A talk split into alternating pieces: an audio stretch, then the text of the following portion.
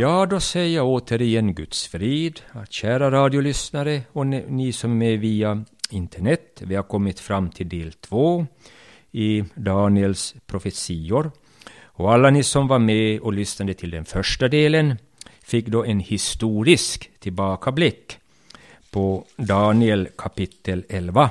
Och varför jag har velat ta upp det här ämnet nu är ju det ju så högaktuellt med tanke på det vad vi ser i Europa och som håller på att trappas upp. Och nu det här bröder och systrar ska vi gå vidare och nu ska vi titta hur historien, hur det har funnits likheter med det som hände i Daniel kapitel 11 genom historiens gång ska jag ta fram saker som belyser att hur det här Daniel hade rätt. Och vi vet ju att genom historiens gång har det varit stora block som har mötts. Och jag ska nämna en del av de här händelserna nu, här med utgångsläge då från Daniel kapitel 11. Och vi kommer att nu här, först nämner jag då det första delningen öst-väst, det var ju då romarriket som delades upp i Östrom och Västrom. Och de hade också var sin kejsare. Och där var det också likadant, man hade maktkamp om territorier. Men det slutade med att hela romarriket gick under, det blev försvagat och då kom de här folkvandringarna, olika folkslag då, som såg till då att romarriket förpasserades då till historien. Och sen efter det var det ju en, en stort imperium som drog fram på 600-talet efter Kristus, det var ju muslimerna. Och vi såg ju vilka enorma områden de lag under sig. De kom ju faktiskt upp till Europa, som vi känner till. Portugal och Spanien och halva Frankrike var ju under muslimerna. Men då fanns det ju en fransk motståndsman, eller en härförare, Charles Martel. Han mobiliserade och tryckte tillbaka muslimerna från Frankrike. Hade inte han gjort det, då hade hela Europa varit muslimskt på den tiden. Så pass illa läge var det. Men här, såg, här var det då nord mot syd. Där kan man sätta muslimerna på syd och Charles Martel på norr. Nord och syd. Nordkung mot sydkung. Och sen har vi ju då också två stora imperier. Efter det muslimska så kommer ju då de här olika sultanerna i Turkiet, Seldykiska imperiet. Och vi vet ju sen så faller ju de här stora muslimimperierna i bitar. Det blir ju olika småstater i framtiden som ni känner till. Men sen närmare mot tusentalet så kommer då ett stort rike att återuppstå och det är ju då det nya Västrom. Och det är ju då Karl den store, frankernas konung, som enar ett splittrat rike. Då till, så det blir faktiskt det nya Västrom då. Men det orkar inte ju finnas till, utan det faller ju också i historiens dimmor. Sen har vi de här korstågen. Och faktiskt, på 1100-talet så fanns det då ett rike i som heter Konungariket Jerusalem. För det finns ju en spelfilm som handlar om en liknande situation. Så där höll ju då korsriddarna till nästan över hundra år.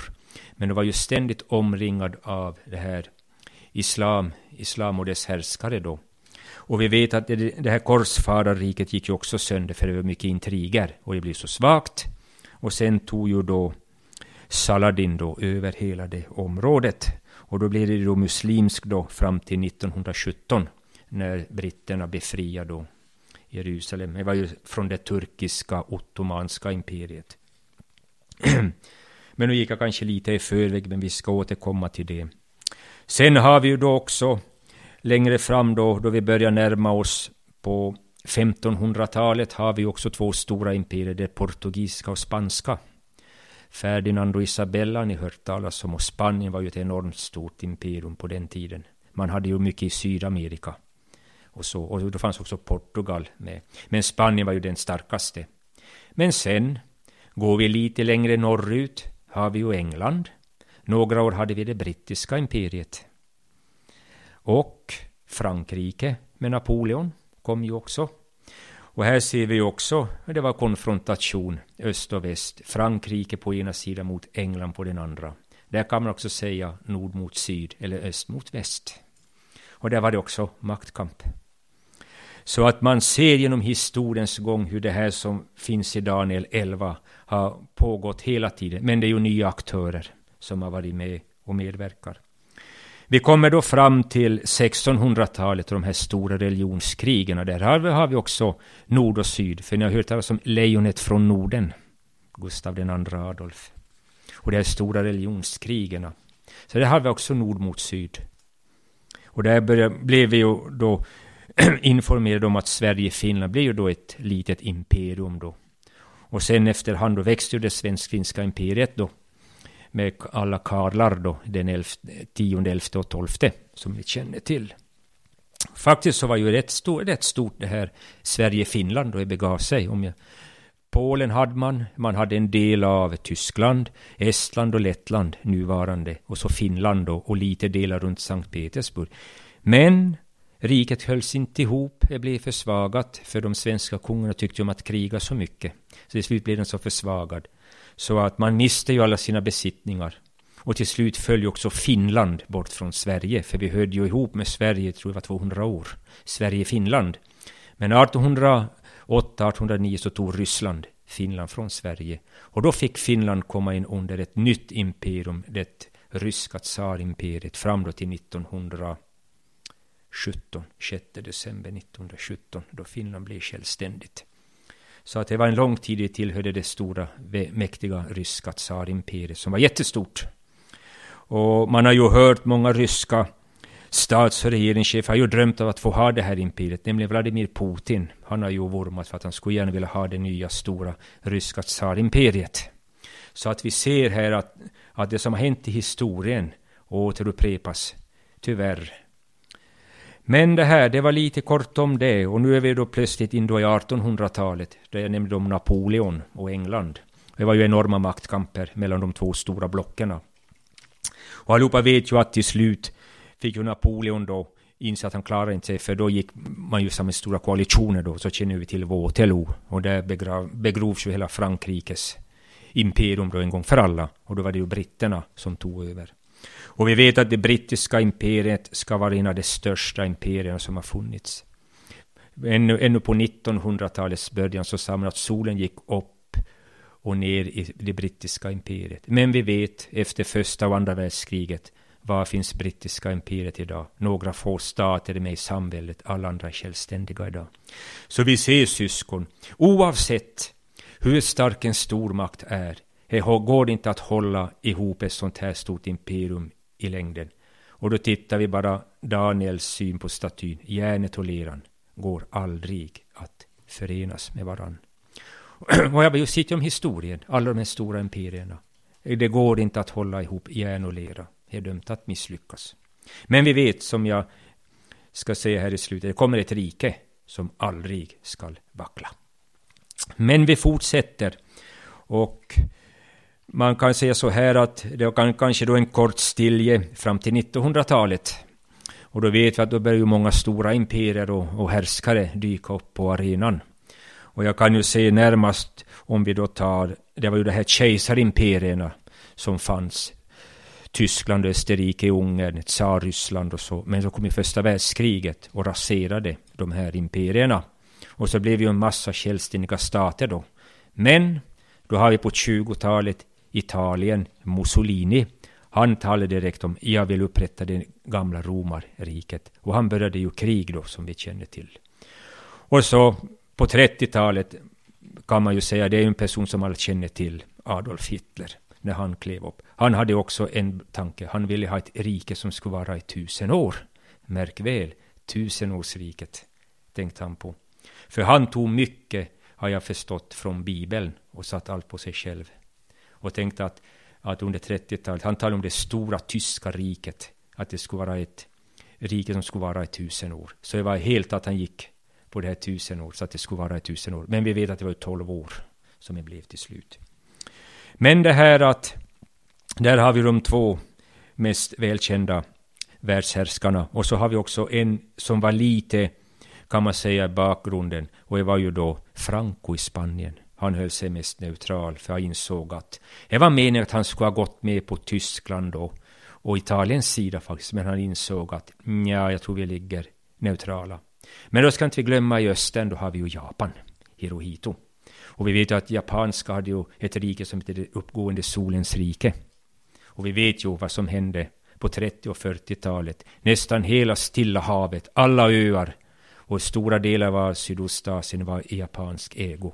Så det var sannerligen ett imperium av dess like. Sol, det uppgående solens rike. Men sen tyvärr gick ju solen ner efter Pearl Harbor 41. När det kom då en ny maktfaktor, USA och Sovjet då. Och nu hoppar vi ju rakt in då på först då Roosevelt och Stalin. Så har vi ju det här Jalta-konferensen när de har planer på att Europa ska delas upp i öst och väst. Och där ser vi nu igen öst och väst, eller man kan säga nord och syd. Konungen i Nordlandet mot Söderlandet, eller öst eller väst, beroende på hur man ser på geografin. Så där ser vi också en likhetstecken. De sitter kring ett bord och talar lögn. Men då, nu ska vi ta en liten hopp tillbakas. 1941 vet vi ju att, eller om det var 39, när Stalin och Molotov, del, eller Hitler och Molotov och Stalin delade upp Europa i två delar. Och det blev ju en chock för hela världen, som vi minns, när de delade upp Europa i två delar. Stalin fick en del och Hitler sin del. Så det var det också likadant, ett svek och förräderi. Man satt kring ett bord och samtalade. Sen hösten 41 så invaderade ju Tyskland i alla fall Sovjet, och fast de hade slutit avtal med varandra. Precis som vi läste här, konungen i Nordlandet gick in i syd eller vice versa. Och sen nämnde jag ju då om, om det här Stalin och Roosevelt. Men sen Roosevelt dog ju, men då tog ju Truman över. Och så tillsammans med Churchill och de Gaulle satt man då och delade upp Europa i öst och väst. Då. och sen fortsatte det ju då under historiens gång. Vi har ju Brezhnev och Kissinger, känner vi till. Mycket var ju på tal om vilken sida man stod då, för då var ju det här krigen i Mellanöstern som vi känner till. Israel hade ju stöd av USA och väst. Arabvärlden hade stöd av öst och Sovjet. Där ser vi också nord mot syd, eller öst mot väst. Sen kom ju då Reagan och Gorbatjov som också hade sina möten och man satt kring ett bord och samtalade. Och vi vet ju att i slutändan så föll ju hela Sovjetblocket sönder då och Östeuropa då. Det här blev ju självständiga stater. Men vad händer? Sen kommer ju då Clinton och Jeltsin. Men då har vi EU som dyker plötsligt upp. Från att ha, att ha varit tio stater är nu plötsligt 28 idag. Men nu har ju Storbritannien lämnat EU, så nu är en stat bort.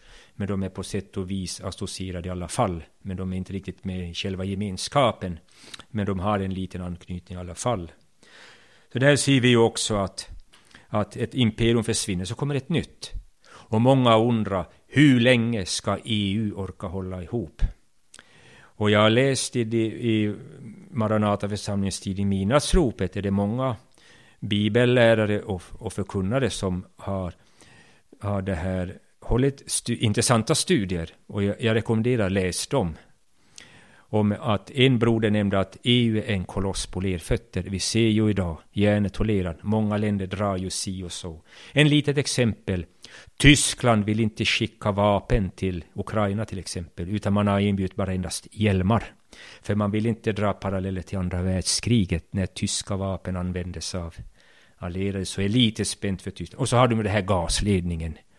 Nord Stream 1 och 2 då. Så att Tyskland sitter sannoliken i, en, i ett skruvstäd. Och jag brukar tänka att hoppas att tyskarna är så lugna att inte de ställer till något, för de har förlorat två krig. Och går de med i ett tredje så kommer de också sannolikt att förlora detta.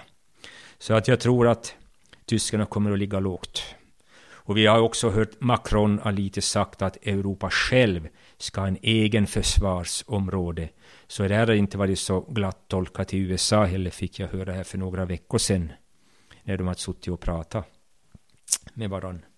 Så att här har vi ju lite indikationer på att det är inte är så gott och väl i EU heller. För man talar ju om nord och syd, rika och fattiga. Vi vet ju att södra Europa är ju mycket fattigare till exempel än vad nord är.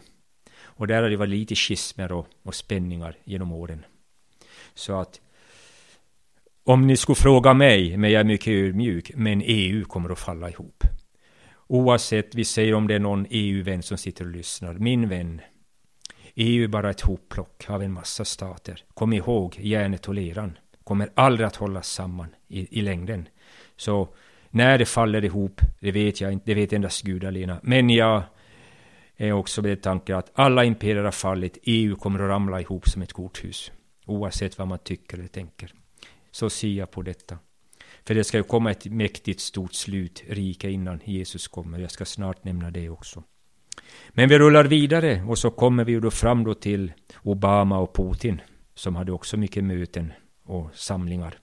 Man satt kring bord och drog upp riktlinjer och troligtvis har man delat upp nu världen i sin sfär att du gör ditt och jag gör mitt och så vidare. Och nu har det tagits upp då vad jag förstår även när eh, det här, eh, ska vi se så jag minns namnet, Trump och Putin hade ju också sina möten och, och det här satt säkert och gjorde upp planer om hur Europa skulle se ut. Och nu har vi ju då Biden och Putin då.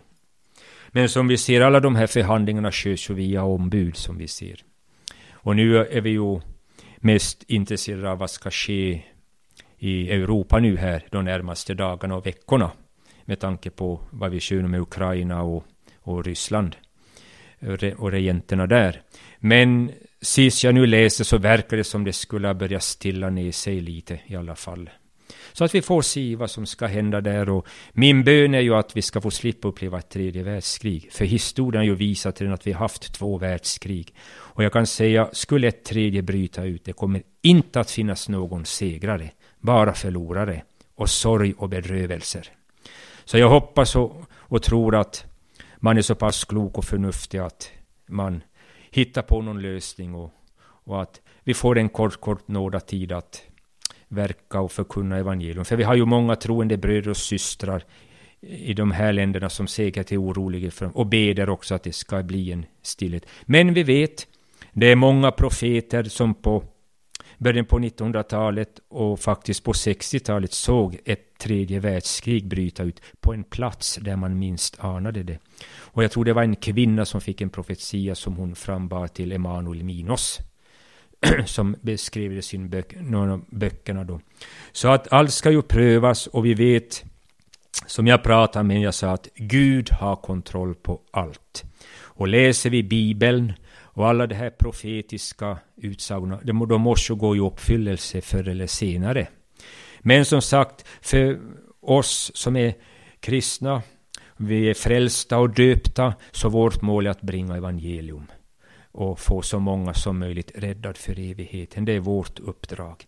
Och jag brukar få gå till mig själv också mycket att fastna inte allt för mycket vid vad som sker i de här nyheterna när du är kristen. Visst, vi ska bedja för fred, men också att vi får själar frälsta och bärgade från det här som ska gå över jorden då. För vi vet ju att när vi då kommer fram till Uppenbarelseboken så kommer ju enormt mycket saker att ske. Och personligen tror jag mycket av, detta kommer att, ja, kanske vi själv får uppleva, men det vet endast Herren Gud. Jag nämnde ju här lite om att i framtiden så kommer det att komma ett sista stort imperium och det är det här nya romarriket som Antikrist ska leda. Och där är det ju då många tolkningar just med det här tio statsförbundet. Och jag själv, när jag var pojke, trodde att det var Europa. Och annan tolkning är att de, om jag hade hört att det skulle vara de fem rikaste europeiska länderna som går ihop med de fem rikaste arabländerna. Men jag börjar mer och mer eh, här, tänka som så att man får vara vislig. För med tanke på ett stort världsomspännande imperium, man tänker en härskare kan ju inte hålla ihop ett sådant imperium. Nu har jag läst på sistone många författare, både profana och kristna, som menar att troligtvis kommer tio starkaste ledare idag att dela upp jorden i tio områden som de förvaltar. Jag känner en broder, han är gatupredikant. Och jag pratade lätt med honom. Men man får ju tolka allt, men han hade fått reda på upplysningen om att allt är klart. Kartan är ritad allaredan hur de här områdena kommer se ut och vem som ska styra dem. Men vi är ingen lut att spekulera, det får vi se om vi får vara med och se vilka de är eller inte. Det får vi lämnas i Guds händer. Men vi vet det här stora imperiet, det sista romarriket som Antikrist styr, kommer inte att vara för evigt. Vi vet sen att stenen som kommer rullande och blir till ett stort berg.